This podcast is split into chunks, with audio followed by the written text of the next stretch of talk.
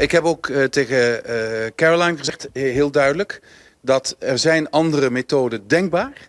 Maar denk nou niet dat je onder het probleem van stikstof uitkomt. Want stikstof zal altijd geadresseerd moeten worden als probleem. Ik denk dat iedereen nogmaals hetzelfde doel heeft. En dat is dat we gewoon een goede natuur moeten hebben. Dat we schoon water moeten hebben, dat we schone lucht moeten hebben. Dat mensen leefbaar kunnen wonen. Ik blijf herhalen. Ik heb ook op een gegeven moment gezegd, ik lijk wel een, eh, een kapotte langspeelplaat die blijft hangen.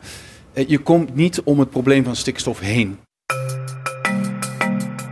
Dit is Betrouwbare Bronnen met Jaap Jansen.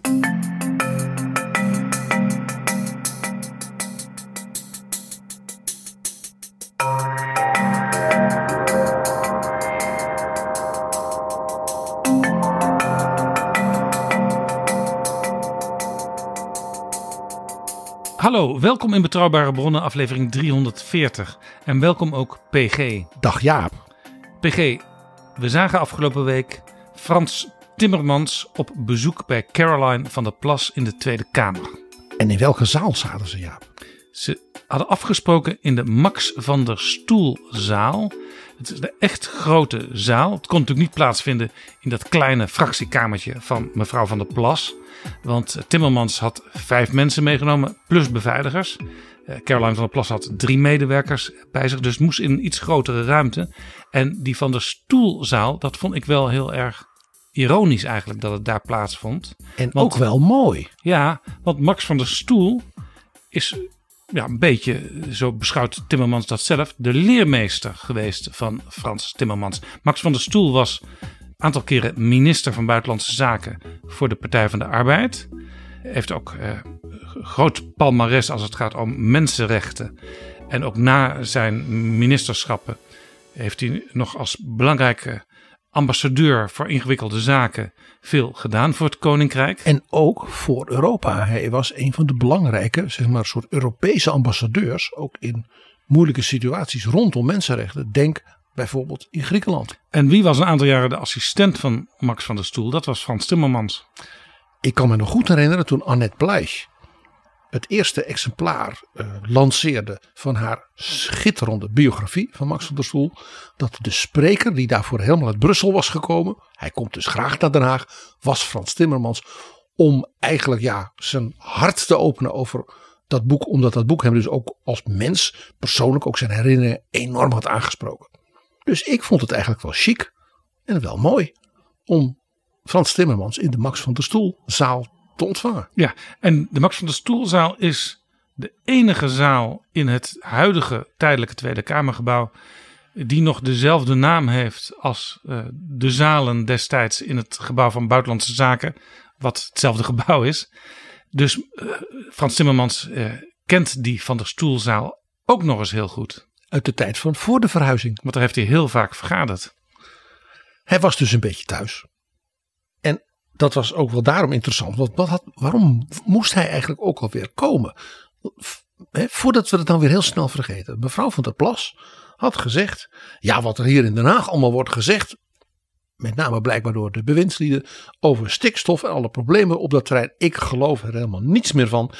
Laten die Timmermans uit Europa nou eens vertellen hoe het echt zit. Ja, en toen zei Timmermans, ik ben graag daartoe bereid. Ik heet mevrouw van der Plas van harte welkom hier in Brussel. Want dat is hij, ja, zeg maar meer of meer gewend. Hij heeft natuurlijk de hele dag daar bezoekers uit de lidstaten, maar ook uit de rest van de wereld. Uh, dus hij zei: Ik maak graag tijd voor mevrouw van der Plas. Nou, mevrouw van der Plas vond dat, uh, geloof ik, niet zo aardig van hem. Die begreep, geloof ik, niet helemaal dat het eigenlijk heel chic was. Dat hij zei: Ik maak graag voor u tijd in Brussel. Nou, oké. Toen heeft hij, denk ik, ook met zijn staf gedacht: Oh, dat wordt even wat anders gepercipieerd in Den Haag dan we in Brussel gewend zijn. Dan komen we naar Den Haag. Ja, wat, wat overigens heel vaak gebeurt, dat Frans Timmermans naar Den Haag gaat. Want hij is ook regelmatig aanwezig, enige tijd, in de ministerraad op vrijdag. Eens in de paar maanden is hij daar sowieso. En dan ligt hij weer even bij waar Brussel mee bezig is. Altijd handig om te weten voor de ministers. En Jaap, ik wil met jou even doornemen vanuit het perspectief van, ik zal maar zeggen, de Europese Commissie. Waarom die herneming van, weet je wat, we gaan gewoon wel naar Den Haag. En we gaan met die Caroline praten. Waarom dat buitengewoon slim was. Want wat vroeg mevrouw van der Plas eigenlijk van, kan hij, Timmermans, zeg maar, dus de belichaming van Brussel, voor sommigen dat enge, gevaarlijke Brussel, ons niet uitleggen wat voor speelruimte wij eigenlijk hebben. En ik denk dus dat men daar in Brussel dacht van, op die vraag willen wij heel graag antwoord Ja, geven. want het was ook nog eens vanuit het idee dat er in Den Haag vaak klinkt als je een vraag hebt of een probleem met een voorgenomen wet. Ja, dat moet van Brussel. Dat hoor je zowel uit zeg maar, de regeringskringen wel eens naar beneden dalen. En ambtelijk, En ook eh, in Tweede Kamer overleggen. Ja, en het is een soort stoplap, want daarna heb je eigenlijk niet veel meer eh, in te brengen. Want ja, Brussel kan op dat moment niet eh, gevraagd worden. Hoe zit dat precies? Klopt dat? in zo'n vergadering wordt niet gezegd, zullen we even bellen Ja, met Brussel. Terwijl ik wel eens denk, dat zou ik maar wel doen. precies. Je kunt natuurlijk ook gewoon zeggen. We zullen even de griffier eh, vragen met Brussel tussen aanhalingstekens contact op te nemen. En dan in de volgende commissievergadering zal hij rapport uitbrengen. Dat had natuurlijk mevrouw van der Plas ook kunnen doen. Maar ik zal maar zeggen, in de euforie van haar eh, statenoverwinning wilde ze natuurlijk eh, de man himself. En Timmermans was dus zo slim om na haar eerste wat bozige reactie te denken: nee, ik ga precies doen wat Caroline van der Plas wil. Ik Ja. kom naar haar. En dan was Timmermans officieel nog niet eens de commissaris die over het stikstofbeleid gaat. Want dat is, hoe heet hij ook alweer? My name is Virginijus Sinkevicius. Maar goed, we kennen natuurlijk Frans Timmermans altijd als, laten we zeggen, één van ons. Dus die mocht komen. En Jaap, zelfs het feit dat er dus nog een andere commissaris, die uit Litouwen is, die er echt over gaat, maakte het voor Frans Timmermans interessant om juist te komen. En Jaap, dit is een voorbeeld van de reeks misverstanden over hoe Europa werkt en hoe bijvoorbeeld de verhouding is tussen de Europese Commissie, Europees Parlement, maar zeker de Commissie en bijvoorbeeld de lidstaten en dus ook de parlementen de lidstaten. Daar worden vaak hele, soms merkwaardige opvattingen over gewisseld. Terwijl als je naar de werkelijkheid kijkt, het veel spannender en veel interessanter kan worden. Er zijn heel veel misverstanden en we bespreken vijf hoofdmisverstanden. En dat doen we aan de hand van een aantal actuele voorbeelden. Zo is dat, Jaap. Maar eerst, PG, zijn er nog nieuwe vrienden van de show? Jazeker, Jaap, die zijn er. Het is altijd weer leuk om mensen te bedanken dat ze hun vriendschap hebben willen uiten. In een hele concrete manier. Een donatie. En daarom een bijzonder woord van dank aan jou, Melanie. En aan jou, Waarde Tim. En er is ook nog een losse donatie binnengekomen van Bas. Ook daarvoor hartelijk dank. Wil jij ons ook helpen? Ga dan naar vriendvandeshow.nl slash bb. Dit is Betrouwbare Bronnen. PG, dat was me wat deze week in de wandelgang van de Tweede Kamer. Een stuk of twintig journalisten met vele camera's. Die stonden daar om die twee, ja, die, die twee antagonisten zou je kunnen zeggen, te filmen. En iedereen dacht, wat gaat daar uitkomen uit dat gesprek? Maar daar kwam een hele vrolijke Caroline van der Plas en ook een hele goed geluimde Frans Timmermans naar buiten. Ik vond het een heel bijzonder gesprek, heel fijn gesprek. En ik heb uit kunnen leggen wat Europa vraagt. En ehm, eh, we- zo zijn we samen een aantal onderwerpen langsgelopen. Timmermans, Jaap, had, zoals dat heet in de politiek, zijn knopen geteld. Die dacht, als mevrouw van der Plas een beetje ballorig is, omdat ik haar uitnodig naar Brussel. En zei dan, hij komt maar hierheen. En ik zeg dan, mevrouw, ik kom graag. Dan sta ik in de wedstrijd al 1-0 voor. Want dan is zij de gastvrouw. Dus dan moeten ze zich wel een beetje, een beetje vriendelijk tegen elkaar zijn. En we gaan dan kennis maken. En we gaan eh, begrip opbrengen voor haar zorgen. En we gaan eens kijken hoe ver we komen.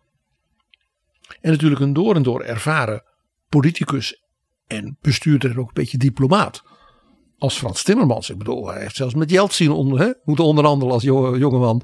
Eh, die weet dan wel hoe hij dat doet. Daar kwam nog eens bij. Doordat hij uitgenodigd werd in feite te komen vertellen wat mevrouw van der Plas als het ware in Nederland niet meer gelooft, hoe het nou eigenlijk zit, bevestigde zij daar nog eens heel vrijwillig mee dat zeg maar, de correcte duiding de feiten, hoe het nou echt zit, uit Brussel moet komen. En wat daarmee gebeurde was dus dat zij het gezag van de Europese Commissie en ook van de persoon Frans Timmermans dus nadrukkelijk onderstreepte en daarmee verhoogde. En Caroline van der Plas die was heel erg gerustgesteld toen ze uit het gesprek met Timmermans kwam. Want ze had van Timmermans begrepen en ook vele malen gehoord dat het, het gehate stikstofbeleid dat dat toch echt iets is van de Nederlandse regering en de Nederlandse Tweede Kamer zelf. Hij heeft in hele nette taal haar uitgelegd, ook al zei hij dat hij niet zou uitleggen, maar dat heeft hij toch gedaan, dat het stikstofvraagstuk iets is dat Nederland allereerst zichzelf heeft aangedaan. Mevrouw van der Plas zei, wat Timmermans net zegt, geeft al wat hoop, omdat hij zegt, lidstaten moeten zelf kijken hoe ze het doen. Dat is exact waar het hier vandaag over gaat. We maken zelf ons stikstofbeleid. Daarmee deed hij natuurlijk nog iets. Door dat te zeggen, zei hij tegen mevrouw van der Plas nog een tweede ding. Hij zei: Mevrouw van der Plas, u bent de aanvoerder van nu, hè, gefeliciteerd, complimentjes, een heleboel colleges straks van gedeputeerde staten. Die in die provincies dat stikstofbeleid dat Nederland zichzelf heeft aangedaan, zal moeten invullen. Dus u zult daarbij de lead hebben en dus ook in die onderhandelingen waar moeten maken wat Nederland heeft beloofd. Want als dus vanuit die provincies niet kan worden waargemaakt wat Nederland in Brussel heeft beloofd, dan heeft niet Frans Timmermans een probleem. Maar dan heeft Nederland een probleem en dan hebben dus ook die BBB, gedeputeerden en fracties een probleem. Dit heeft Frans Timmermans zo letterlijk niet gezegd tegen Caroline van Nee. der Plas. Maar dat is wel zoals je het zou kunnen interpreteren. Dus Zo wel, werkt het politiek De wel. lading van het gesprek. Ja. Dus er is eigenlijk een, een zware verantwoordelijkheid nu op Caroline van der Plas haar schouders gelegd. En hij heeft op een hele vriendelijke manier haar dus laten merken dat ze natuurlijk niet kan duiken. Dat als minister Van der Wal dat niet kan en minister Adema niet kan, dat nu ook, met dank aan die overwinning bij de statenverkiezingen, Caroline van der Plas niet meer kan duiken. Ik heb ook eh, tegen eh, Caroline gezegd, heel duidelijk, dat er zijn andere methoden denkbaar. Maar denk nou niet dat je onder het probleem van stikstof uitkomt. Want stikstof zal altijd geadresseerd moeten worden als probleem. En als mevrouw van der Plas het dan anders wil, ligt de bewijslast bij haar. Ik citeer: Zij zal moeten aantonen dat het pad dat zij wil kiezen ook leidt tot bescherming van de natuur. Ja. En wat ook interessant was. Timmermans kwam, zei hij, niet om een stempel te zetten op het eh, stuk, de, de beleidsnota van BBB en Ja21 over het stikstofbeleid. Dat kan ook niet, want eh, hij gaat er niet over, eh, legde hij uit. Maar hij wilde wel behulpzaam zijn door Europese ambtenaren nog eens te laten kijken naar dat plan en of het, zo lees ik dat dan, onder de streep uitkomt bij waar de regering uit wil komen. Namelijk een forse vermindering van de stikstofuitstoot, zodat de natuur in Nederland er niet verder op achteruit gaat. Sterker nog, dat de natuur er op termijn weer op vooruit gaat. En mevrouw van der Plas zei dat ze dus ook daarom zo, zo, ja, zo blij was. Want waar het hier eigenlijk om gaat is het natuurbeleid. En binnen dat natuurbeleid is ruimte volgens ons. Laten we gewoon maar even naar Van der Plas luisteren. Timmermans, die zei van nou weet je, het is, eh, misschien moet er er nog wat aan gebeuren. Hè? Wij gaan er ook geen stempel op zetten van nou goed of een 10 of een 9 of een 8 of een 3. Maar we willen wel helpen bij daar een goede nota over te schrijven. Omdat juist dus die Europese Commissie zegt, bescherm de natuur.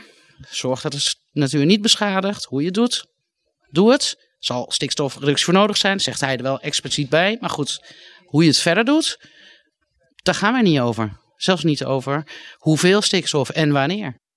Door het zo te doen, komt Timmermans in, ik zal maar zeggen, zijn favoriete rol als hooggeplaatste Brusselaar kruipen. Dus in een hele comfortabele rol.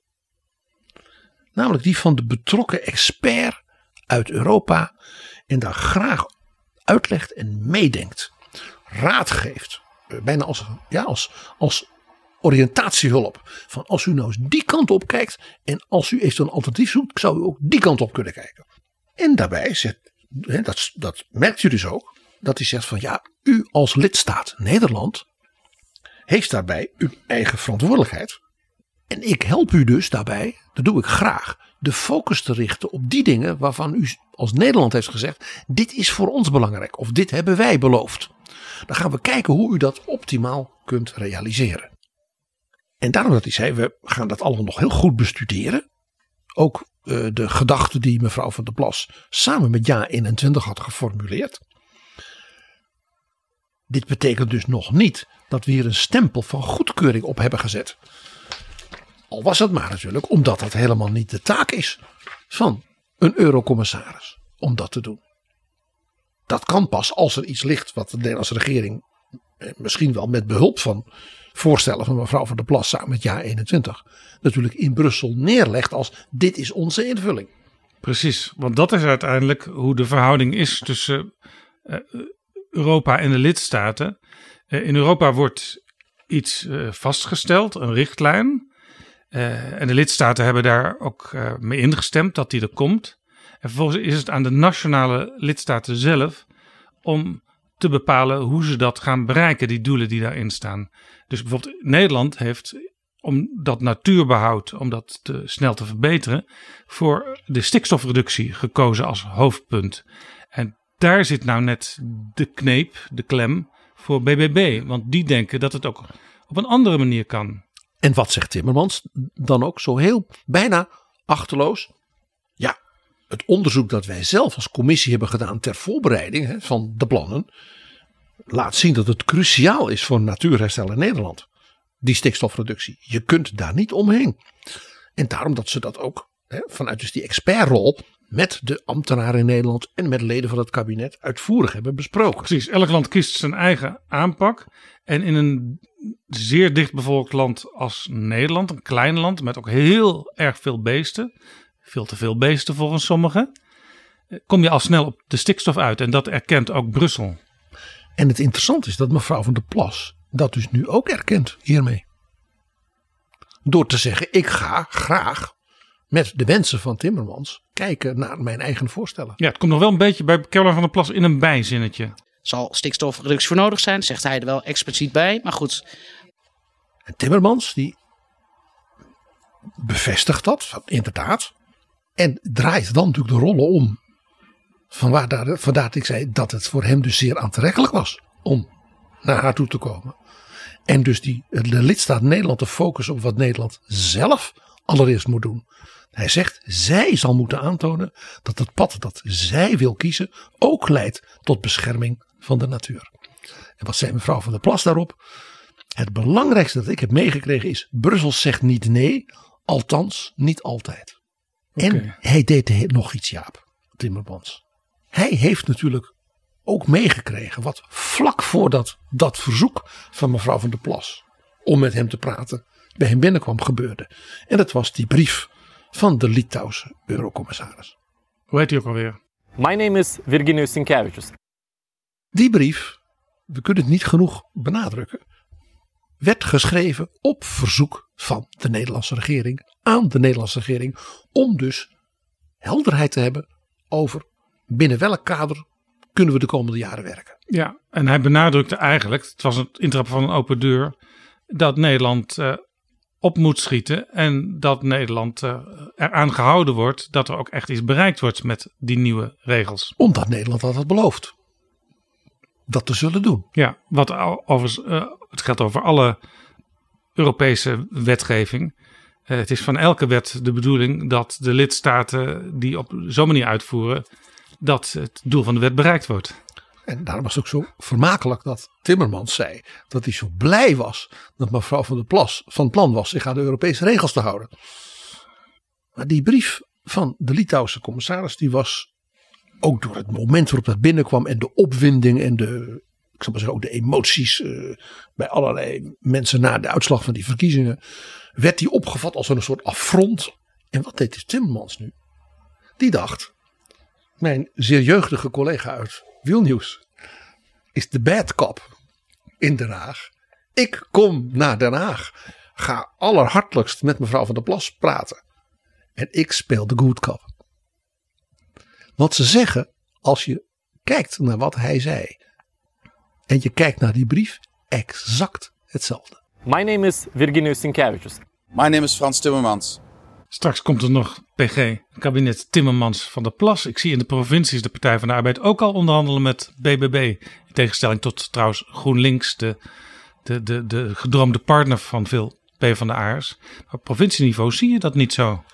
Je zou bijna zeggen, Jesse Klaver moet nog oppassen dat Frans Timmermans een nieuwe coalitiepartner zou gevonden hebben. Maar dat is wat plagerig van me. Dat is niet aardig van me, dat geef ik toe.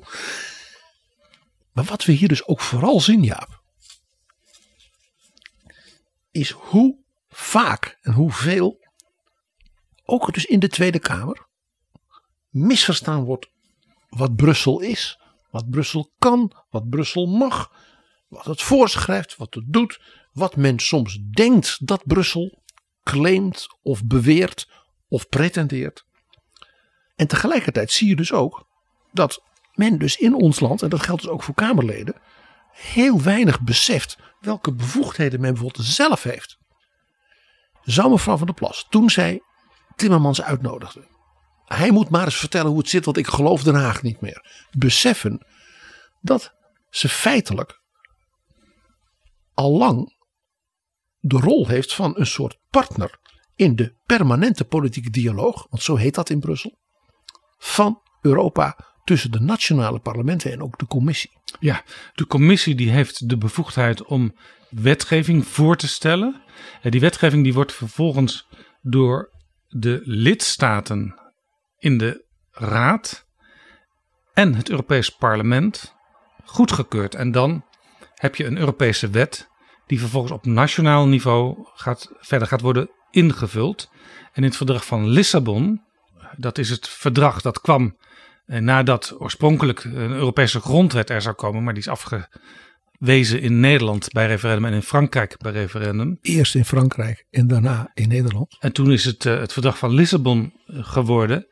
Eh, daar staat eigenlijk een versterking in van de rol van de nationale parlementen. En die permanente politieke dialoog die jij noemde, die staat daar ook letterlijk zo in vermeld. En het boeiende is dat dat dus betekent dat een nationaal parlement, zoals dus nu gebeurde doordat mevrouw van der Plas dat riep. Maar dat was helemaal niet in het kader van zo'n permanente politieke dialoog. Het was niet onderdeel van bijvoorbeeld een vast programma en een vaste werkwijze. Eh, op die manier inderdaad met eurocommissarissen en ook met de staf van eurocommissarissen. Dus heel intensief ja, gedachtenwisselingen kan hebben. En ze elkaar dus ook letterlijk en figuurlijk kunnen helpen. Ja, dit was dus een, heel uitzonderlijk iets. Want Timmermans had normaal gesproken natuurlijk eh, gezegd: ik wil al met de Commissie Europese Zaken van de Tweede Kamer komen praten. Maar dit was echt een soort staatsbezoek exclusief voor Caroline van der Plas.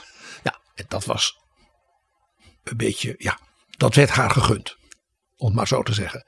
En zoals ik al zei, eh, na die eerste van laat ze even langskomen, dat doe ik graag. Heeft, heeft Timmermans dus vanwege de reactie die hij daarop kreeg van haar, heel behendig als het ware de rol omgedraaid. En gedacht, als ik er zelf heen ga, wordt mijn positie nog verder versterkt. Daar hadden we het hiervoor al over.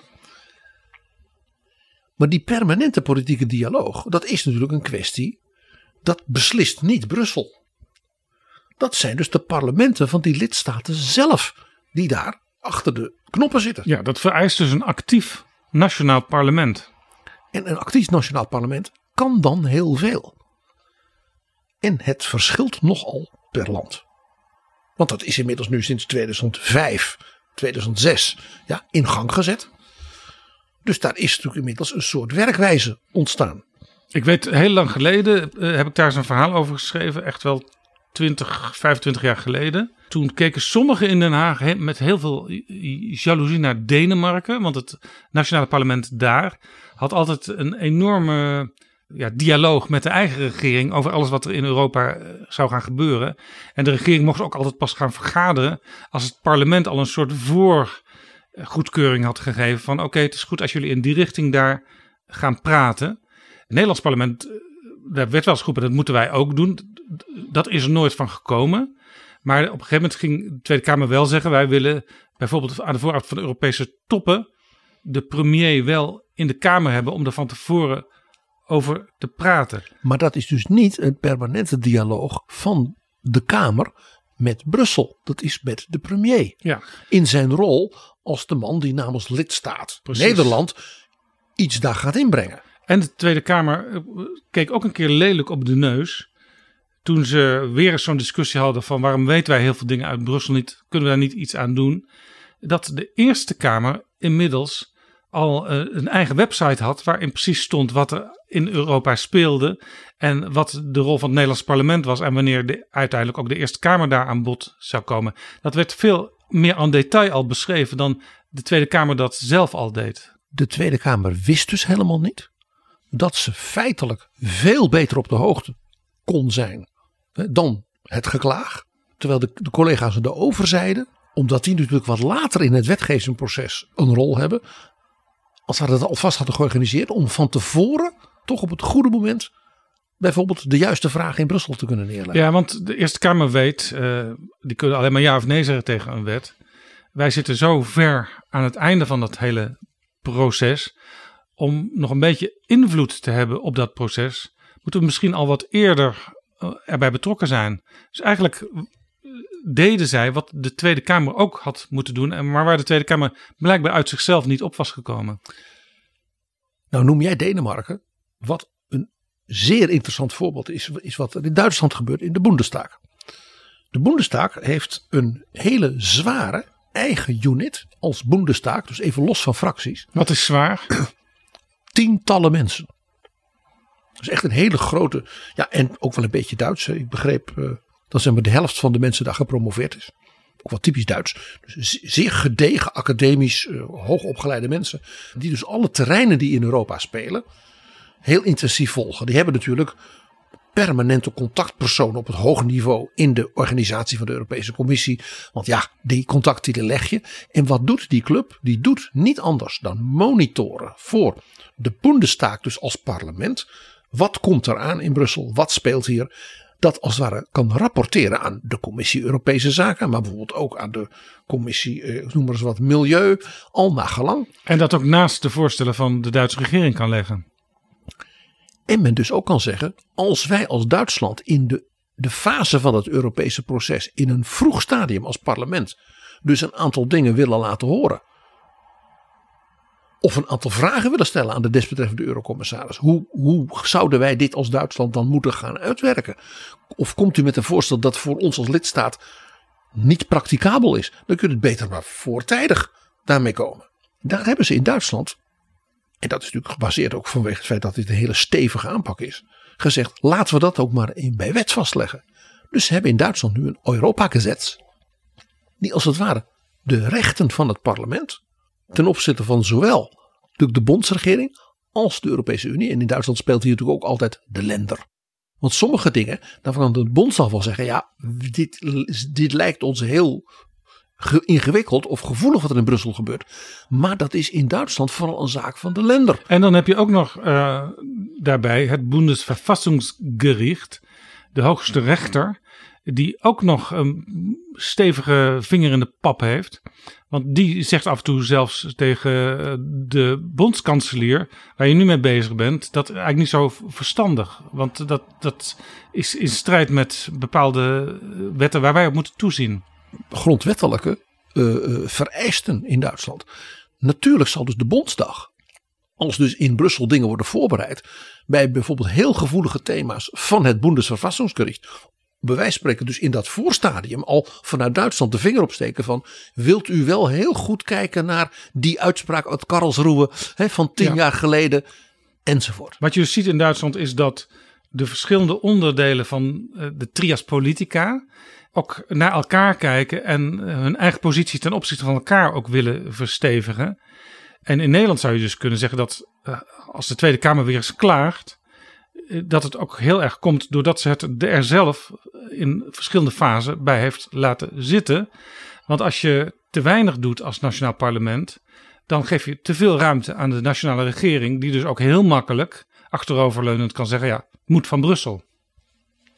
Ja, ik zou bijna zeggen, het is nog leuker. In Brussel weet men natuurlijk, volgt men natuurlijk al heel precies wat er gebeurt in die, het zijn tenslotte een heleboel lidstaten. En daar zijn lidstaten bij. Die zijn nog niet zo heel lang lid. Dat zijn vaak Oost-Europese, Centraal-Europese landen. Die nog een hele route hebben te gaan. Ook wat betreft de rechtsstaat, wat betreft eh, politieke eh, cultuur, wat betreft ook hun Die dus in economie. korte tijd heel veel moeten inhalen. Iets waar wij, wij spreken 200 jaar over gedaan hebben. Dat moeten zij in tientallen jaren doen. En het zijn lidstaten die zijn heel klein. Het zijn lidstaten die zijn heel groot. Dus men moet daar, als er die enorme diversiteit, die moet je volgen. Want als er een verzoek komt uit een land, moet je snappen, ja, wat gebeurt er in dat land? Hoe werkt dat parlement? En zo heeft men dus genoteerd dat er dus parlementen zijn van lidstaten die buitengewoon alert zijn. Omdat ze bijvoorbeeld beseffen voor de begroting van dit land is heel precies volgen wat er komt aan geld uit wat Europese structuurfondsen, uit regiofondsen. Die zijn zo'n belangrijke factor, bijvoorbeeld in wat men nationaal zelf ook nog kan, dat men daar zo vroeg mogelijk in de wedstrijd er al bij wil zitten. En dan worden, zo hoorde ik, twee landen bijna altijd bijna een beetje jaloers zelfs als voorbeeld genoemd. Dat zijn Portugal en Roemenië. Portugal, een voormalige dictatuur in het westen. En Roemenië, een voormalige dictatuur in het oosten. En Roemenië is qua welvaartsontwikkeling een van de armste landen binnen de EU nog. Maar maakt, net als eh, andere landen, denk ook aan Polen, hè, dat je ziet dat die een geweldige economische opgang maken. Dus die landen hebben heel veel potentieel. Dat zien ze natuurlijk ook van elkaar. En die denken ook van ja, als wij dus dat geld uit Europa heel goed ja, kunnen inzetten. En we dus al in een vroeg stadium met de mensen in Brussel kunnen praten. Wat betekent dit voor Roemenië? Hoe kunnen we dat optimaal straks gaan vertalen in onze eigen nationale regelgeving? Dan hebben we er de meeste baat bij. Ja, want, Daar speelt nog want, iets want aan. heel veel dingen die in Europa eh, geaccordeerd worden door de lidstaten en dan worden uitgevoerd. eh, daar zitten vaak ook fondsen bij. Dus je kunt voor bepaalde dingen, bijvoorbeeld eh, technologische innovatie, kun je subsidies krijgen. En als die nou heel erg goed aansluiten, die, die subsidiesystemen, op waar jij als land behoefte aan hebt, dan heb je voorsprong. Ja, als, als jij bijvoorbeeld als Roemeense universiteiten hè, via het parlement dat er bovenop zit, dus in een vroeg te weten komt, als jullie nou bij dat grote onderwerp met die Nederlandse universiteiten, hè, met Wageningen of met Delft of met Leiden samenwerkt, dan kun je daar een heel mooi project krijgen. Dan is het maar goed als je dat ruim van tevoren weet en niet als al het geld al verdeeld is. En Nederland, even een zijpad PG, maar Nederland mist kansen in onderzoek en innovatie, omdat nationaal en Europees beleid los van elkaar staan, zegt de Adviesraad voor Wetenschap, Technologie en Innovatie. En dat is In in feite aanbevelingen die ze op 14 maart naar de minister van Economische Zaken en Klimaat, Mickey Adriaansens, stuurde. En interessant genoeg is dat vanuit dus dat specifieke en cruciale thema in Europa, dit precies is wat we dus rond dit onderwerp meer in den brede ook tegenkomen. En die adviesraad die noteert ook nog dat met name het MKB er last van heeft dat die koppeling niet goed gemaakt wordt.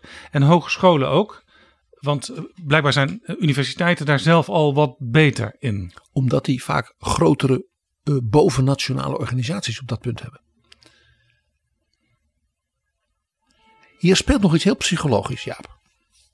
En dat, vandaar ook dat behoorlijk kritische stuk van de AWTI. Dat is vrij hard. Landen als Roemenië, Portugal, je zag het ook bij het Portugese voorzitterschap van de EU. Die hebben door dit gedrag, om maar zo te zeggen, wat ze hebben, in Brussel natuurlijk een hele hoge gunfactor, zoals dat heet.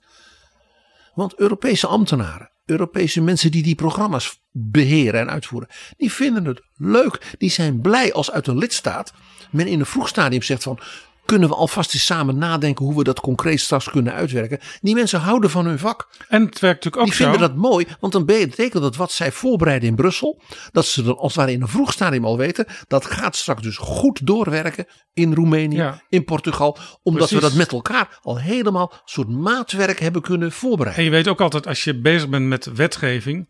Er komen straks vragen uit Portugal, want die komen altijd.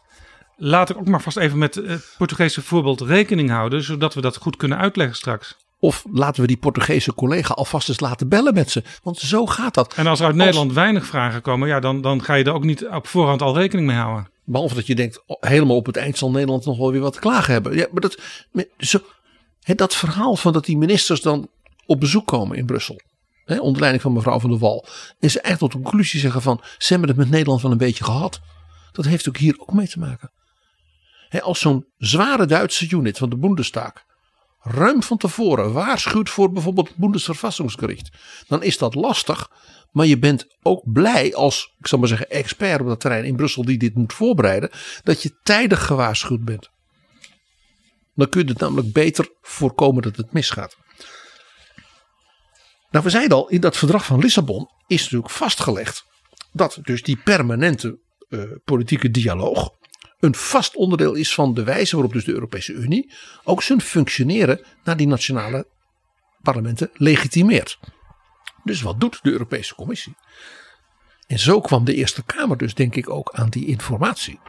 Die houdt bij online een compleet overzicht van wat ze met alle parlementen van alle lidstaten doen. Want door dat bij te houden, te, te laten zien van dit is dat we doen. Met dit onderwerp zijn we met hen daarover bezig. Bewijs je dus van we nemen dit heel serieus. En elke lidstaat is ons daarbij ook even lief. Ja, en dan ontstaat er, naar je hoopt, ook een soort peer pressure onderling. Dat landen zien, hé, hey, die Portugezen en die Roemenen, die zijn er flink mee bezig. Uh, waarom lopen wij daarin achter? Het is misschien wel leuk. Dat zullen, zullen we dat in de show notes bij deze uh, podcast online even laten zien. Dat je gewoon aanklikt en dan kun je als daar van elk land in Europa, dus ook van Nederland, zien wat er op dit punt feitelijk gebeurt. Ja, want wat vind je daar over Nederland als je dat aanklikt? Uh, interessant is dat in Nederland het inderdaad de Eerste Kamer is. Die nog het meest alert en actief is. En dat in het jaar 2022 de Tweede Kamer één keer iets aan de commissie heeft gestuurd. Namelijk een overzicht van dingen waarvan de Tweede Kamer vond dat dat de meest belangrijke prioriteiten waren. Voor de wetgeving in Europa. Nou, dat is altijd goed om te weten. Maar bijvoorbeeld rondom stikstof is er niet één keer vanuit de Tweede Kamer iets naar de Europese Commissie gestuurd. Niet een opvatting van de Tweede Kamer, niet een verzoek om een dialoog. En in zekere zin was dus dat verzoek van Carolijn van der Plas, omdat het een individueel verzoek was, een beetje buiten, de, een beetje buiten die orde, maar had als het ware heel goed in dat verband kunnen voorbereid zijn. Ja, dat er zo weinig post uit Den Haag komt, heeft er misschien ook mee te maken, PG, dat het aantal medewerkers in de Tweede Kamer, dus ambtenaren die zich echt inhoudelijk met Europa bezighouden, dat dat een aantal jaar geleden, het was al niet veel, maar dat daar zelfs vermindering is opgetreden. Pardon, dus de Tweede Kamer heeft posten voor het volgen van wat er in Europa gebeurt weggesneden. Ja, dat is in de tijd van het voorzitterschap van Khadija Ariep gebeurd. En heel interessant, uh, misschien na Caroline van der Plas, die nu dus in haar speurtocht van hoe werkt het in Den Haag, ook in Brussel is uitgekomen en daarvan heeft geleerd. Een andere partij die ook nieuw is in de Tweede Kamer bij de afgelopen verkiezingen, Volt, die, die heeft ontdekt dat er eigenlijk wel weinig heel weinig gebeurde vanuit de Tweede Kamer op dit dialoogvlak. En dat is helemaal hun punt. En die heeft daar een, een motie over ingediend al een tijdje geleden, samen met de VVD en D66. Het initiatief kwam van Marieke Koekoek van Volt, om het aantal uh, ambtenaren te vergroten in de Tweede Kamer. Uh, en dat gaat binnenkort ook echt daadwerkelijk gebeuren.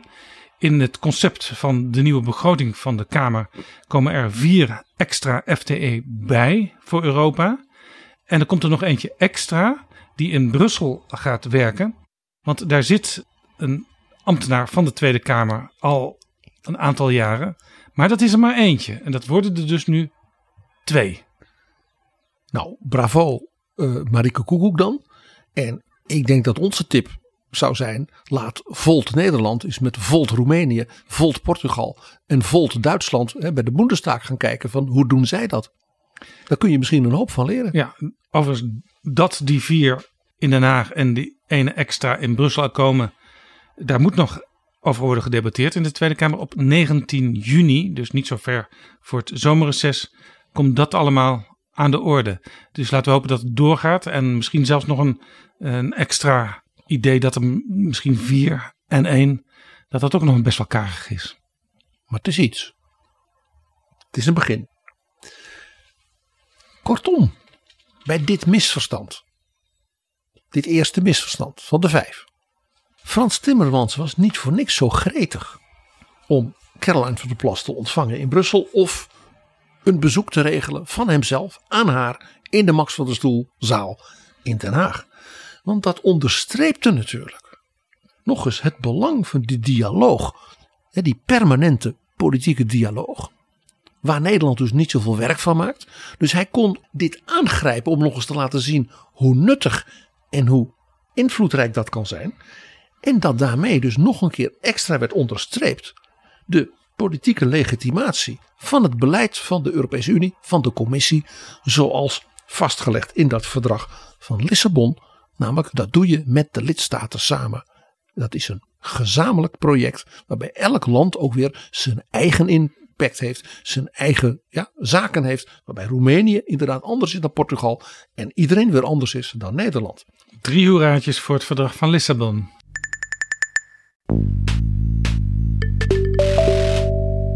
Dit is Betrouwbare Bronnen, een podcast met betrouwbare bronnen. PG, een veelgehoord misverstand is ook dat vanuit Europa dictaten worden opgelegd aan de lidstaten en dat nationale politici ja, dan eigenlijk alleen maar ja en amen kunnen zeggen. Het moet van Brussel. Ook daarin was dus de psychologie van het bezoek van Timmermans zo interessant. Want wat zag je daar? Je zag precies het omgekeerde. Sterker nog, mevrouw van der Plas, die noteerde dat ook bijna een tikje verbluft. Je kunt met Brussel praten. Hè? Was een, een hele ontdekking. Want wat deed Timmermans? Die zei, nou ja, moet dus horen mevrouw van der Plas. U, heeft een, u had een tienpuntenplan. Dat heeft u vervolgens nader uitgewerkt. Daar zit in een bijlage een aantal eh, zeg maar, suggesties voor wetswijzigingen in. En hij bood eigenlijk aan met zijn experts in Brussel, samen met mevrouw van der Plas, dat hele stuk nog eens helemaal door te lopen en te kijken welke van die elementen werken goed, welke moeten misschien nog wat extra, welke zijn dat je zegt van dat is misschien niet zo verstandig. Ja, en dan natuurlijk eh, uiteindelijk onder de streep kijken of het doel, namelijk het natuurbehoud verbeteren, of dat snel dichterbij komt. Want mevrouw van der Plas zei, ik wil het woord stikstofbeleid bijna niet meer horen. Het moest nu natuurbeleid heten. Nou, dat vond blijkbaar uh, uh, Timmermans verder ook prima. Nou. Alleen zei hij, dat betekent niet dat je het probleem van het stikstof daarmee kunt wegverklaren. Ja, want Daar LP, blijf je aan vastzitten. Die LP die, die, die Timmermans ook nog had meegenomen voor Caroline van der Plas. Die zetten nu nog weer even aan.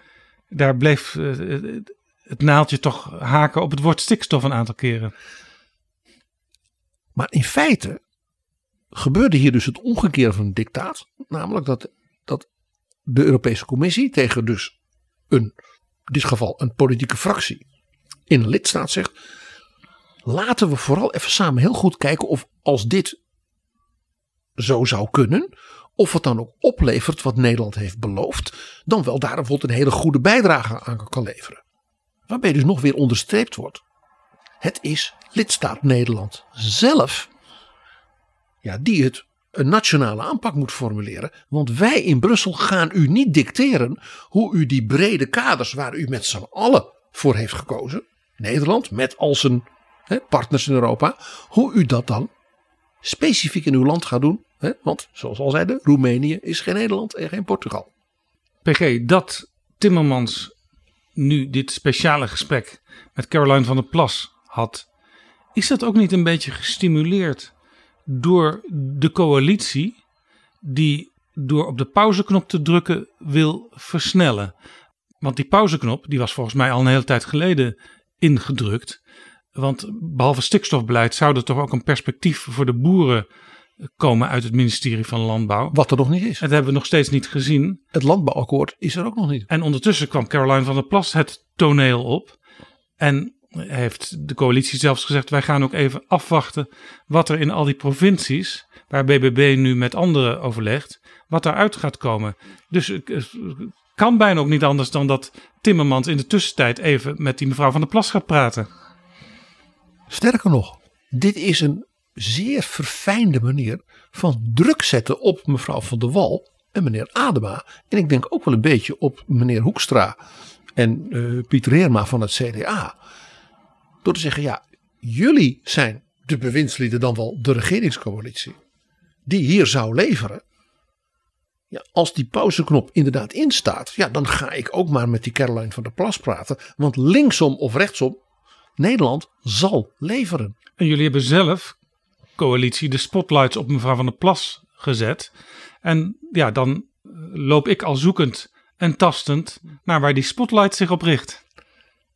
Zeker als het voor mij helder is dat mevrouw van der Plas en de mensen van haar club in die provincies en straks ook in de Eerste Kamer nu in de lead zijn bij het maken van die concrete vertalingen in de regio van wat dat nationale kader zou zijn dat Nederland moet invullen in het kader van Europa. Dus het is een hele ja, chique manier om in feite het kabinet op een nette manier onder druk te zetten. Ja, er zit nog een interessant puntje aan. De heer Timmermans heeft gepraat met mevrouw van der Plas.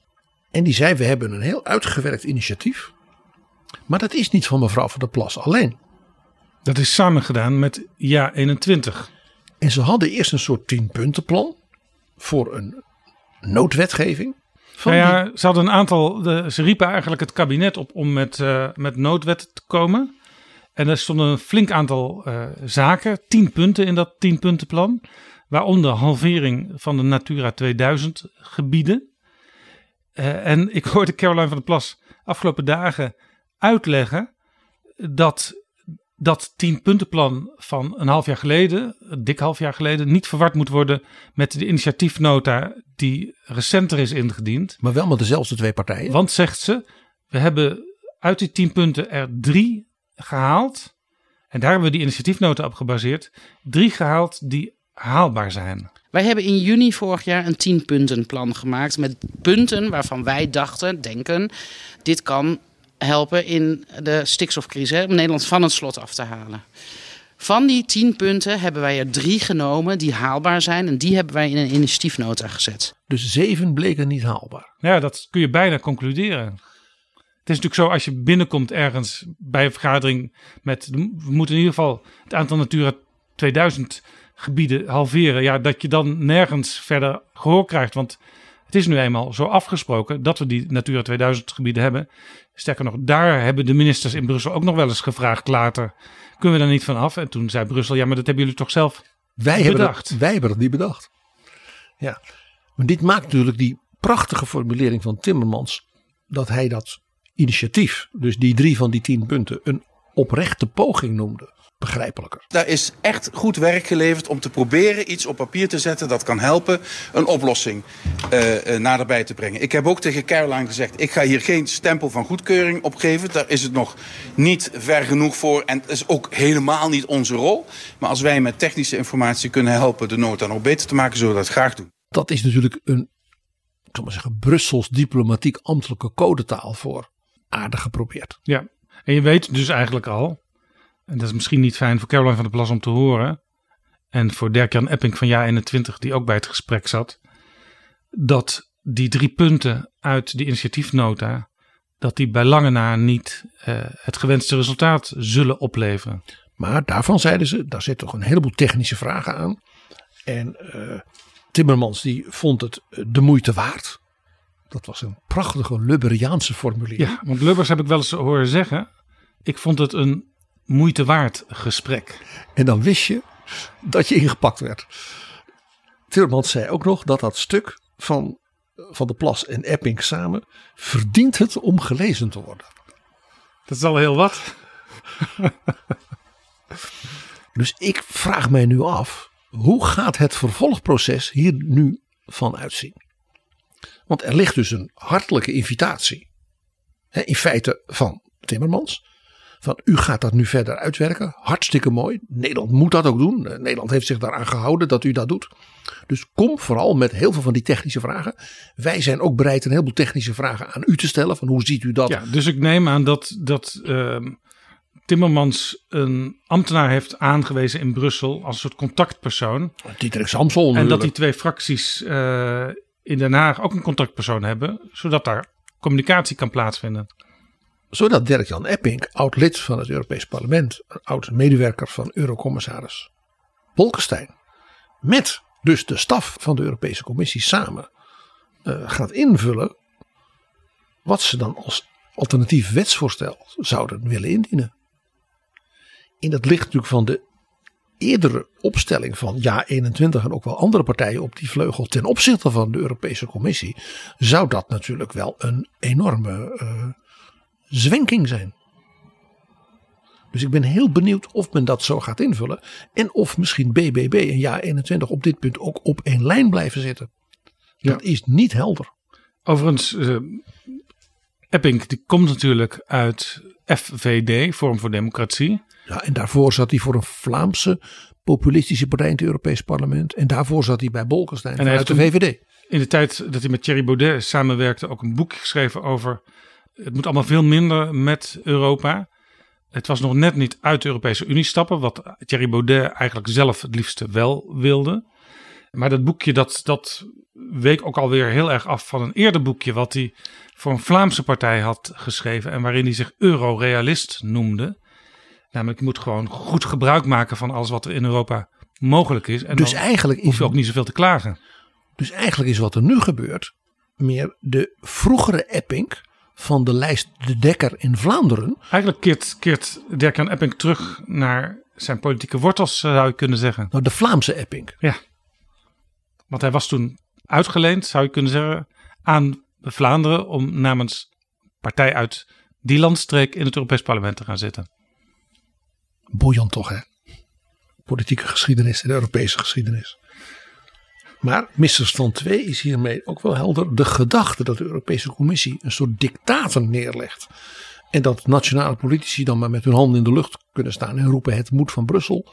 Dat is zeker ook met dit gesprek en de vervolguitwerking die we nu gaan zien, mogen we hopen wel weg als idee. Misverstand 3. De Europese Unie trekt steeds meer bevoegdheden naar zich toe en holt zo de nationale beleidsruimte uit. We zagen natuurlijk al dat in dat vermalendijde verdrag van Lissabon met die, van die verschrikkelijke grondwet ooit het omgekeerde al was gebeurd ten aanzien van de positie van de parlementen zelf. Ja.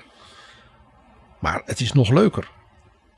Wist jij dat parlementen, ook weer dankzij datzelfde verdrag, nog een bevoegdheid hebben gekregen die juist bedoeld is om daar waar Europa bijvoorbeeld bevoegdheden extra zou willen hebben, daar een rem op te zetten, dan om de nationale parlementen de ruimte te geven om te zeggen: ho, ho, ho, wacht even, bewijs nou eerst maar eens dat dat nodig is. Ja, een subsidiariteitstoets heet is, dat. Het is een, een prachtige term uit de, zeg maar, de klassieke katholiek sociale leer van de 19e eeuw. Hè, die natuurlijk zo belangrijk is geweest bij de vorming van uh, zeg maar, Ja, de Europese politiek. Subsidiariteit betekent dat beleid moet plaatsvinden op het daartoe meest geëigende niveau. Dus als iets lokaal kan, moet je dat lokaal doen. Als je dat in de regio beter kan doen en niet alleen maar in de gemeente, moet je dat zo doen. Nationaal en uiteindelijk ook Europees. Dus heel interessant. Parlementen kunnen dus bij een onderwerp dat bijvoorbeeld Europees op de agenda komt. En Europa, Europa komt met een initiatief. Kan een parlement zeggen, wat interessant. Voordat we dit nou uitvoerig gaan behandelen, willen wij een subsidiariteitstoets. En het zal je niet verbazen welke twee landen vaak worden genoemd als eh, nogal alert op dat punt, die daar graag met enige regelmaat, zelfs meerdere keren per jaar, naar vragen. Waarschijnlijk die twee waar je al eerder naar verwezen hebt, PG. Portugal en Roemenië. Vandaar mijn suggestie dat Volt Roemenië, Volt Portugal maar eens met Volt Nederland gaan praten. Want dat is natuurlijk een heel leuk instrument voor een parlement. Want je vraagt in feite de Europese Commissie, bewijs nou maar naar ons als lidstaat. En ook als parlement in zo'n lidstaat. Waarom deze bevoegdheid bij jullie zou moeten komen. En waarom wij niet dat prima als nationale lidstaat. Met de collega lidstaten in de andere landen samen kunnen doen. Het grappige is dat op dit punt de Tweede Kamer zelf een aantal jaren geleden al een keer een initiatief heeft genomen. Zo van als wij nou eens zelf gaan vastleggen hoe we dit soort eh, bevoegdheden van de Kamer ten opzichte van het kabinet in Europa willen formuleren. Dat klinkt goed. Klinkt goed. 2017 was dat trouwens.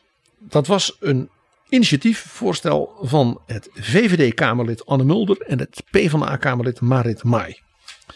Dat is naar de Raad van State gegaan, zoals dat altijd gaat met wetsvoorstellen.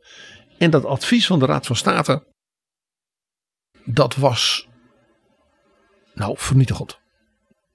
Die zeiden in dit wetsvoorstel staan alleen maar dingen die al lang gebeuren. De Tweede Kamer heeft dat soort bevoegdheden al. Dat hoef je helemaal niet in die wet vast te leggen. Dat zit al eens in het verdrag van, van Lissabon. En door een aantal dingen zo vast te leggen, beperk je eerder nog de flexibiliteit van de Kamer en het kabinet in het, de dialoog met Europa, dan dat je die versterkt. Ja, eigenlijk zei de Raad van State, eh, wat je ook vaak als klacht hoort over Europa. Ga nou niet eh, overbodige regels stellen. Ja, dus dat wat men Europa nog wel eens verwijt, deed de Tweede Kamer hier. Nou, dat wetsvoorstel dat is, eh, ja, dat is een zachte dood gestorven. En in het coalitieakkoord van Rutte 4 is er een soort algemene eh, voornemen dat men zoiets misschien toch nog wil. Maar in feite heeft Nederland dit dus een beetje ook uit zijn eigen handen laten vallen. Als je dat vergelijkt met andere landen. Wat je ook vaak hoort in ditzelfde verband. Europa trekt maar bevoegdheden naar zich toe. Is dat uh, men uh, om de zoveel jaar is er altijd wel weer een land dat zegt. Wij gaan eens een lijst maken van overbodige Europese regels. Waarom moet Europa dat doen? En die lijst maken we dan en die dienen we dan in in Brussel. En dan krijgen we vast heel veel steun van andere lidstaten. En dan kan het allemaal een stukje minder gedetailleerd. En Sterker, minder Dit ambtelijk. is ook gedaan door David Cameron, de voormalige premier van het Verenigd Koninkrijk. Vanuit het idee, als we dat nou allemaal heel helder opschrijven, dan kunnen we ook wel een referendum houden over het lidmaatschap van het VK van de Europese Unie. En dan kan- zal iedereen begrijpen, als Brussel dat omarmt, dat we van overbodige regels afkomen en dat we verder wel alle voordelen van Europa graag willen behouden. Cameron dacht, als ik zo'n lijst heb van schrappingen. Waardoor dus de Britten zeggen, zie je wel, Europa is veel minder bemoeizuchtig nu, dankzij David. Hè? Dan sla ik de populisten een wapen uit handen. En dan gaat iedereen zeggen, hoezo brexit? Nee, we blijven. Maar ja, ja, wat gebeurde er? Die lijst kwam er. Dat was een verzameling niksigheden. Waarvan eh, de, zowel de Europese Commissie, eh, Jean-Claude Juncker, als bijvoorbeeld ook mevrouw Merkel, die was gevraagd of Duitsland mee wilde doen. Waarop mevrouw Merkel zei: Ja, het is een hele serie dingen. Dat is zo ambtelijk. eh, dat kunt u gewoon aan de ambtenaren van de desbetreffende commissie onderdelen en van mijn eigen ministeries en van jullie eigen ministeries in Londen overlaten. Daar hebben we eigenlijk nauwelijks politieke besluitvorming voor nodig. Nee. Ja. Maar wist jij dat het kabinet Rutte 2 dit ook een keer gedaan heeft? Het kabinet Rutte 2 heeft bij de start gezegd: wij moesten maar eens zoiets doen. En gelukkig had men in het kabinet Rutte 2 een bewindspersoon daarvoor, die zich daar helemaal mee kon bezighouden. En dat was Frans Timmermans. En dus die heeft hetzelfde gedaan als overigens ook Sibrand Buma een keer gedaan heeft. En David Cameron. En die kwam met dezelfde lijst. We zullen maar zeggen klein bier. Ik zeg klein bier. Maar met één extra dingetje. Schoolmelk. Schoolmelk. Ja, een van de dingen waar een punt van, van gemaakt werd was dat zich Brussel bemoeit zich met allerlei subsidieregelingen bij het zorgen voor goedkope gesubsidieerde schoolmelk in die lidstaten waar men dat belangrijk vindt voor de jeugd. Waarom moet Brussel zich daarmee bemoeien? Weg daarmee. Nu bleek dat toen dus Nederland daarmee kwam. Er allerlei lidstaten waren die zeiden: ja, maar wij, onze melkveehouders, en ja, die heb je in Nederland ook wel. Voor hen is het heel belangrijk dat die scholen die melk afnemen. Dat is een soort basis voor hun inkomen, waardoor ze ook andere dingen kunnen doen. Ja. Sterker nog, doordat Nederland zo'n lijst had gemaakt, was dus van tevoren bekend dat Nederland zou aankomen met: kunnen we die schoolmelksubsidie in de landbouwbegroting niet schrappen? En er waren blijkbaar een aantal Europese landen die dat lijstje van Nederland hadden bekeken met elkaar en die hadden de taken verdeeld. En dat was de regering van Polen die heeft gezegd: nou ja, ja, voor onze Poolse melkveehouders is dit heel belangrijk. Maar goed, ja, als nou de Europese Commissie zou besluiten deze subsidie te schrappen, wat dus echt een klap is voor de boeren bij ons. Omdat Nederland zegt dat dat niet nodig is, dan weten wij ook wel iets wat niet nodig is. De Europese begroting bevat allerlei subsidies voor de heel hoogwaardige innovatie van de glastuinbouw in Nederland. Dat kan Nederland prima zelf betalen. Dat behoort tot de rijkste, de meest succesvolle agrarische exportsectoren van Europa. Dus als die schoolmelk weggaat, dan stellen wij voor dat die ondersteuning van het Westland ook weggaat. Jij begrijpt waar dit toe leidt. Frans Timmermans heeft, zoals dat heet, getekend bij het kruisje. Zowel de melk in Polen als het Westland waren gered. Overigens, PG, eh, tijdens eh, die kabinetsperiode vertrok Timmermans naar Brussel om daar Europees commissaris te worden. En toen werd hij ook in de commissie belast met het eh, verminderen van de overbodige regels. Toen mocht hij het nog een keer doen, Jaap. En een van de eerste dingen die hij toen ook zei: Ja, ik ben daar nu mee bezig, maar ik merk dat eigenlijk vooral de lidstaten en het Europees Parlement uh, ervoor zorgen dat regels uitgebreid en gedetailleerd worden. Dus ja, wij maken heldere plannen, uh, maar die worden zo als een kerstboom opgetuigd, dat je op een gegeven moment ook niet meer weet uh, waar de kop en de staart zit. En is een heel leuk voorbeeld, Jaap, van hoe het lidstaten zijn die dus Europese bevoegdheden groter maken. Dus meer Europa, meer bevoegdheden in het belang van zo'n lidstaat. En er is een lidstaat en die heet Nederland. En die heeft een, in vroegere jaren ooit voorgesteld dat in het kader van milieu- en energiebesparing de gloeilampen moesten worden uitgefaseerd en Europees moest worden geregeld dat die verboden zouden worden. Dat kwam omdat er in Nederland, ik zal maar zeggen in het zuiden van het land, een grote industrie was die wel zag een grote markt voor ledlampen. En als Europa nou die andere lampen ging verbieden, dan kon je dus als het ware een soort monopolie ontwikkelen op het leveren van die lampen die iedereen wel moest kopen.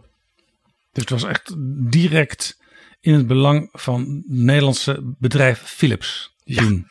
De Europese Commissie zei: ja, in het kader van energiebesparing en milieu. Dit zijn dingen, dat kunnen we doen. We gaan in Europa natuurlijk niet een dictaat. Dus wat we zeggen is: we gaan een eind maken aan het gebruik van dat soort lampen. En dat moet natuurlijk nationaal worden ingevuld. Ja, en het, het kabinet Balkende werd ook aangespoord vanuit de Tweede Kamer om daar vaart achter te zetten. De gloeilamp moest van de Europese markt verdwijnen. Er was een motie ingediend door Boris van der Ham van D66 en Mariko Peters van GroenLinks. Tegelijkertijd waren er allerlei mensen die riepen: dit is een soort Europese bemoeizucht. Waar, waar bemoeien ze zich mee? Dit is helemaal niet liberaal en dit is natuurlijk een enorme ingreep in de marktwerking. Maar dit gebeurde dus gewoon op initiatief van een lidstaat, in dit geval Nederland. Ja, Kamerleden gingen op een bepaald moment ook klagen. Toen was de regeling eigenlijk al uh, in werking gezet. Want toen bleek dat de fijne, zachte, warme gloed van de oude peertjes, dat die door veel van die ledlampen destijds nog niet geëvenaard kon worden. Inmiddels, Ze waren niet zo mooi. Inmiddels is het zover wel. Maar dus zelfs Boris van der Ham zei toen in de media dat hij, dat hij langzamerhand wel vraagtekens kreeg bij wat hij eerder in gang had gezet. En Lisbeth Spies, Kamerlid toen van het CDA, ook vicefractievoorzitter, die noemde het een vrij onzinnige maatregel. Overigens had ze zelf wel voor die motie gestemd oorspronkelijk. En ze zei ook dat eigenlijk gek is dat in de Tweede Kamer nooit echt een debat heeft plaatsgehad over het gloeilampverbod. Toen minister Kramer in 2008 naar Brussel ging om ertoe te besluiten, heeft de Kamer er bij haar weten geen woord aan gewijd.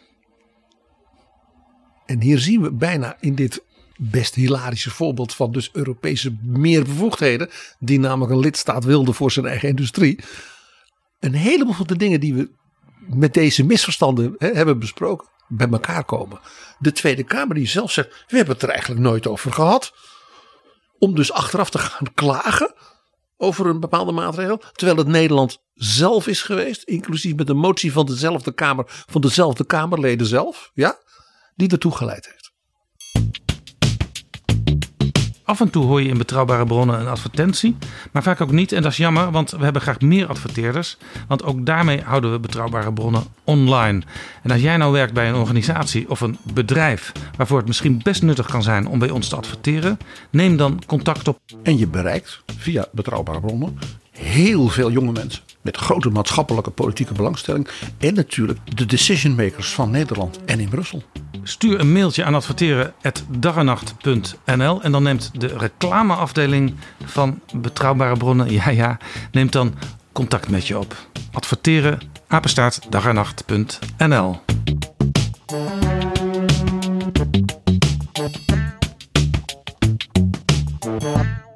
Jaap, nog een vierde misverstand. En dat hoorde je ook wel een beetje in de manier waarop mevrouw van der Plas Timmermans als het ware eh, voor haar aan het werk wilde zetten. Van, hij moet me maar eens gaan vertellen hoe dat zit en ik ga er niet voor naar eh, Brussel moeten komen, hij komt maar naar mij toe. Daar zit iets in en dat hoor je meer.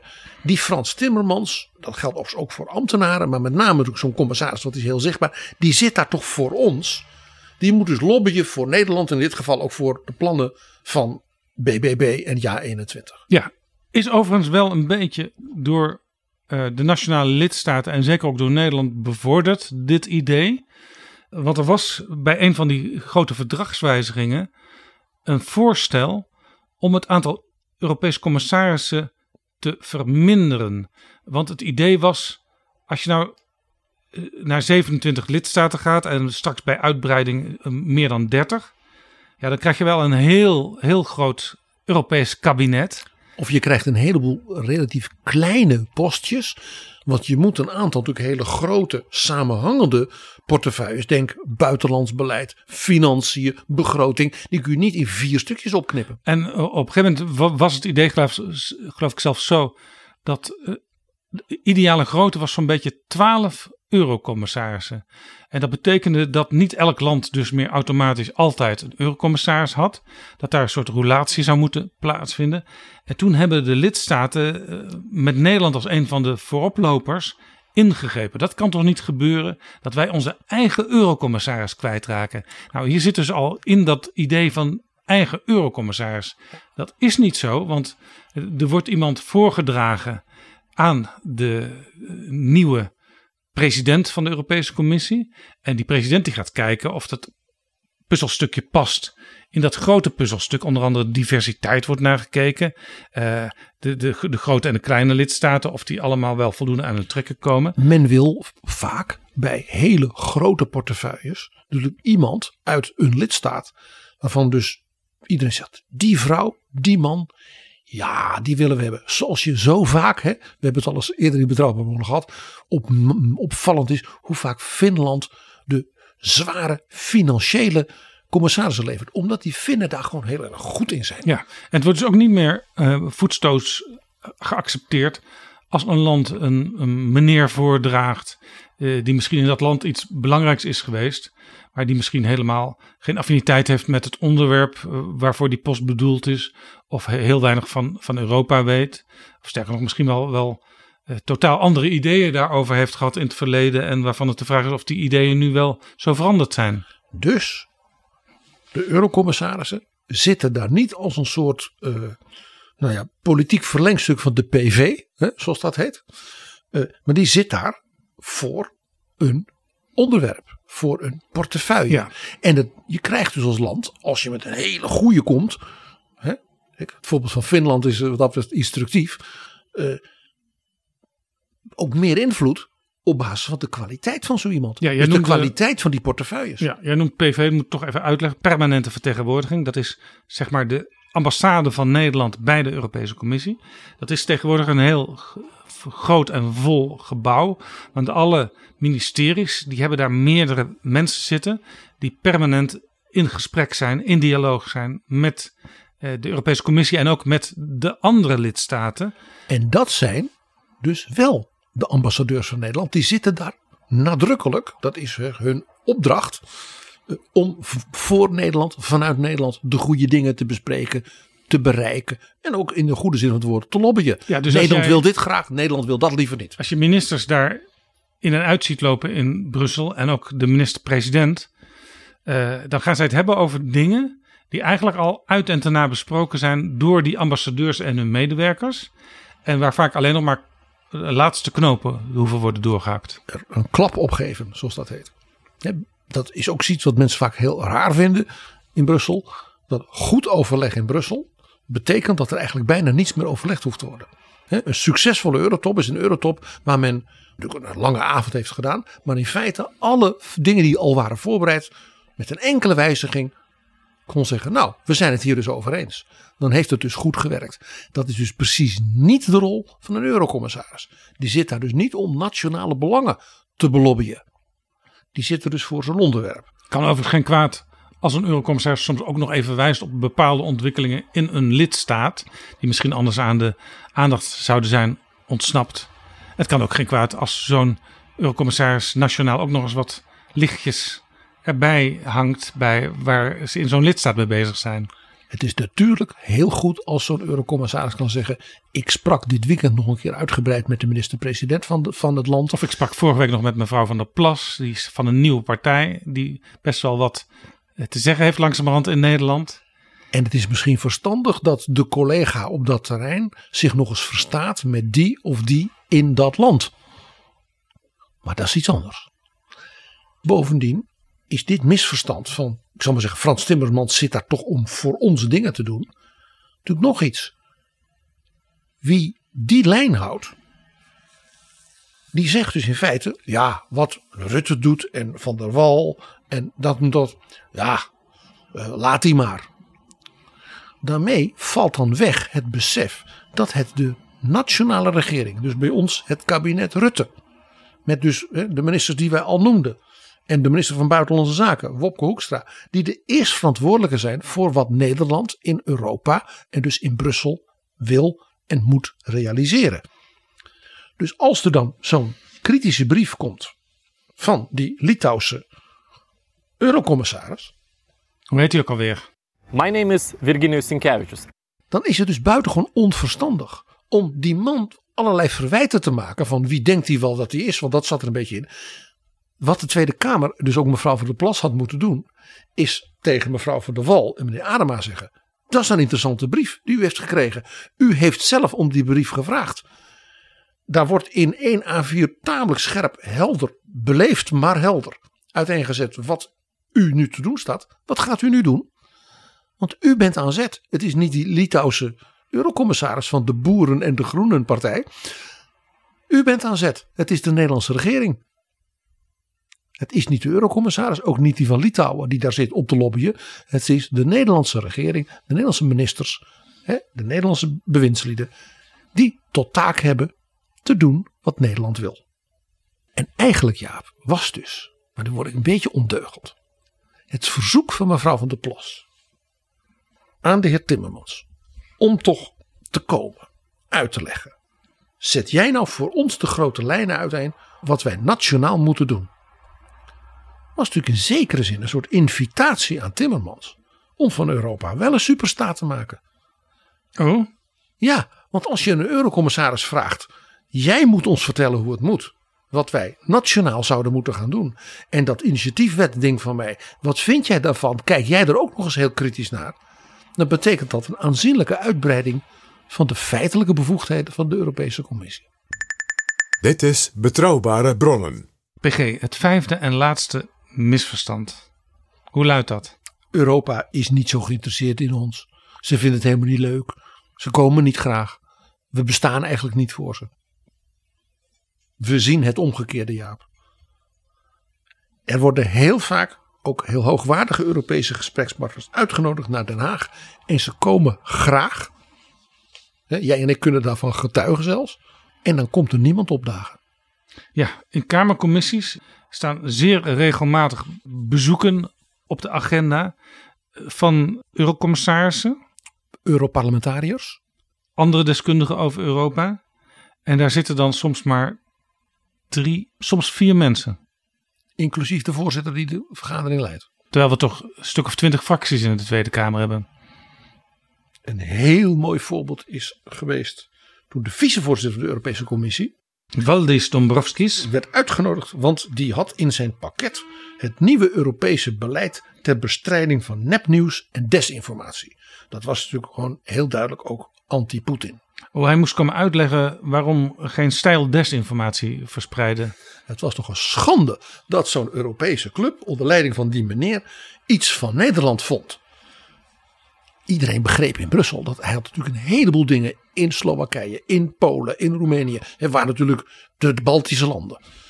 Hè, waar die daar ook om hadden gevraagd. Wij willen zo'n instituut dat dus druk kan En uitoefenen. dan moet je voor de balans ook eh, een land als Nederland eventjes aanstippen. Dan moet je ook nog een paar andere landen noemen. Het was het Kamerlid Jezilgus. De huidige minister van Justitie. Die een boze motie indiende die met een meerderheid kreeg. En wat bemoeit Europa zich mee? Het is een schande. Nederland wordt als het ware zwart gemaakt. Dus die vicevoorzitter van de Europese Commissie die zegt, hè, dus een collega van Timmermans die zegt, ik kom zelf naar u toe, want ik begrijp dat u daar kritiek op heeft en zorgen bij heeft. Ik wil dat heel graag met u bespreken en ook uitleggen, dus nodig mij uit. En hoeveel, hoeveel Kamerleden kwamen toen opdagen? Er zaten vier mensen. Dat gebeurt vaker, hè? Eh, Zo was er het jaarverslag van de Rekenkamer, de Europese Rekenkamer. En dat vindt Nederland altijd enorm belangrijk, want er moet op onze centen worden gelet. En daar was eh, in de aanvang eh, alleen de voorzitter van de commissie aanwezig. Ja, dus de Nederlandse, belangrijke Nederlandse vertegenwoordiger in die rekenkamer, meneer Brenninkmeijer, die zat daar gewoon in zijn eentje met de voorzitter. En toen hebben ze dus moeten rondbellen in de Kamer. Dat heeft een half uur geduurd tot er twee à drie andere Kamerleden ook nog even langs wilden komen. We hebben zelf eens een gesprek gehad met Guy Verhofstadt, Europarlementariër, over de toekomstconferentie voor Europa, waar hij een van de voorzitters was. We hebben hem in betrouwbare bronnen gehad na die bijeenkomst. Maar dat was ook een bijeenkomst waar ja, echt om te huilen eh, zo weinig Kamerleden aanwezig waren. Terwijl ze toch altijd zeggen, wij willen nu eens precies weten hoe het zit in Europa. En dit ging over de toekomstconferentie, waarin dus voor het eerst het experiment was gedaan om met burgers, en ook met heel veel jongeren, uit te diep wat willen we nou met de toekomst van Europa. Waar voortdurend dus van wordt geroepen, zeker ook in Nederland, er wordt niet naar ons geluisterd en de burgers. Nou gebeurde het.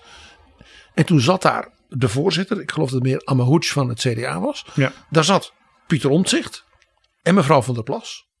En ik geloof nog iemand van D66. Ja. Zelfde bij een eh, bezoek van Europarlementariër Sophie in het veld over het pensioenbeleid. Ja, zij was rapporteur van het Europees Parlement. En dit was natuurlijk van grote betekenis van wat zijn de Europese bevoegdheden en hoe ziet het Europees Parlement dat in het licht van de nieuwe pensioenwetgeving in Nederland. Dat ging dus om 1500, 2000 miljard euro. Dus zij kwam om vanuit het Europees Parlement te vertellen: dit zijn de grote lijnen, zo zien wij dit als Europees Parlement. Er was bijna niemand aanwezig. Binnenkort kunnen we weer zien wat er gebeurt, want er is een ronde tafelgesprek aanstaande in de Tweede Kamer over de nieuwe voorgestelde EU-rijbewijsrichtlijn. Belangrijk als je de grenzen overschrijdt, dat je dan ook weet dat uh, het rijbewijs van je buurland ongeveer hetzelfde level heeft als je eigen rijbewijs. Uh, daar is een ronde tafelgesprek over georganiseerd op 16 mei aanstaande met onder andere het CBR, Alexander Pechtold zal er wel komen, denk ik. De BOVAG, de RAI. En daar hebben zich op dit moment nog maar drie partijen voor aangemeld. Namelijk VVD, CDA en D66. Benieuwd hoe dat op de dag zelf zal zijn. En ook heel benieuwd of er dan maanden, soms jaren later, ineens iemand opstaat. Waarom weten wij hier niks van? Stoplicht staat nog op oranje. Jaap. Dankjewel, PG.